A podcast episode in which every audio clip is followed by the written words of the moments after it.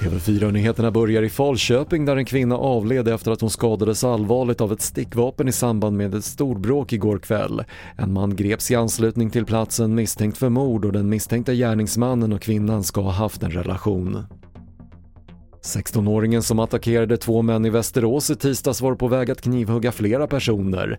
Det uppger källor för Aftonbladet men den till synes oprovocerade attacken kunde stoppas tack vare att första patrullen på plats agerade snabbt. Hittills har utredningen inte hittat några kopplingar mellan de inblandade.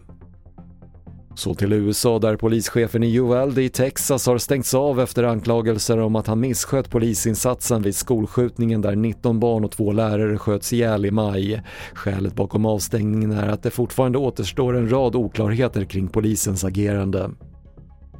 Och åtta läkare i Argentina åtalas för inblandning i fotbollslegenden Diego Maradonas död 2020 rapporterar AFP.